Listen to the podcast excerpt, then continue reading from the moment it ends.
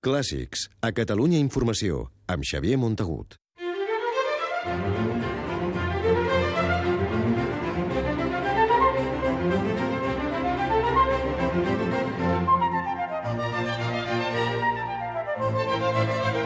La cèlebre formació Il Giardino Armonico, coneguda per les seves interpretacions en criteris històrics de la música barroca, ha tornat a actuar aquesta setmana a Barcelona, a l'Auditori.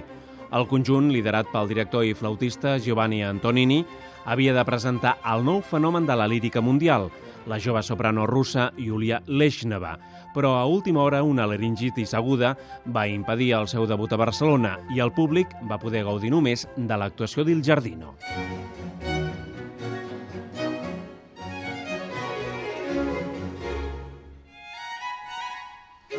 Il Giardino Armonico va tornar a demostrar que és una formació excel·lent, d'una gran bellesa de so, amb músics virtuosos que de la mà del seu mestre, el milanès Giovanni Antonini, transmeten entusiasme en totes les seves interpretacions.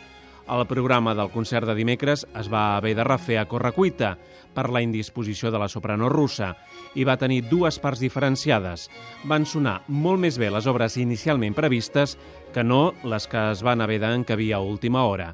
Esplèndida va ser la interpretació del Concerto Grosso, la Follia, de Francesco Geminiani, amb el qual es va acabar la primera part.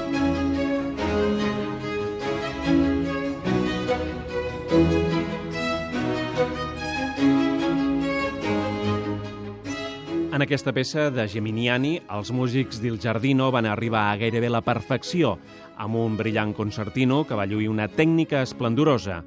No va anar també al concert per a arpa, dues flautes de bec i baix continu de Handel, una de les obres que no estaven programades a bon principi. Aquí, els instrumentistes no van anar tots alhora, segurament perquè no van tenir prou temps d'assajar-la abans. El concert es va tancar amb la sinfonia La Passió de Haydn.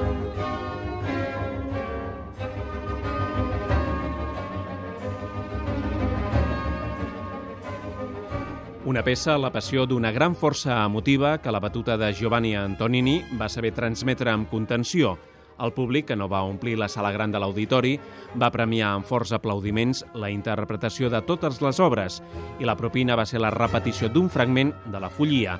La llàstima és no haver pogut escoltar en directe la soprano russa Yulia Leshneva, que dies abans del concert va enregistrar a l'auditori i amb el Giardino Armonico un disc de motets, petites composicions de caràcter gairebé sempre religiós que abracen gairebé tot el segle XVIII, des de Handel fins a Mozart, passant per Vivaldi i Pòrpora. Amb aquest àlbum del segell Decca, que encara no té data de llançament, l'auditori vol posicionar-se com a centre de producció musical.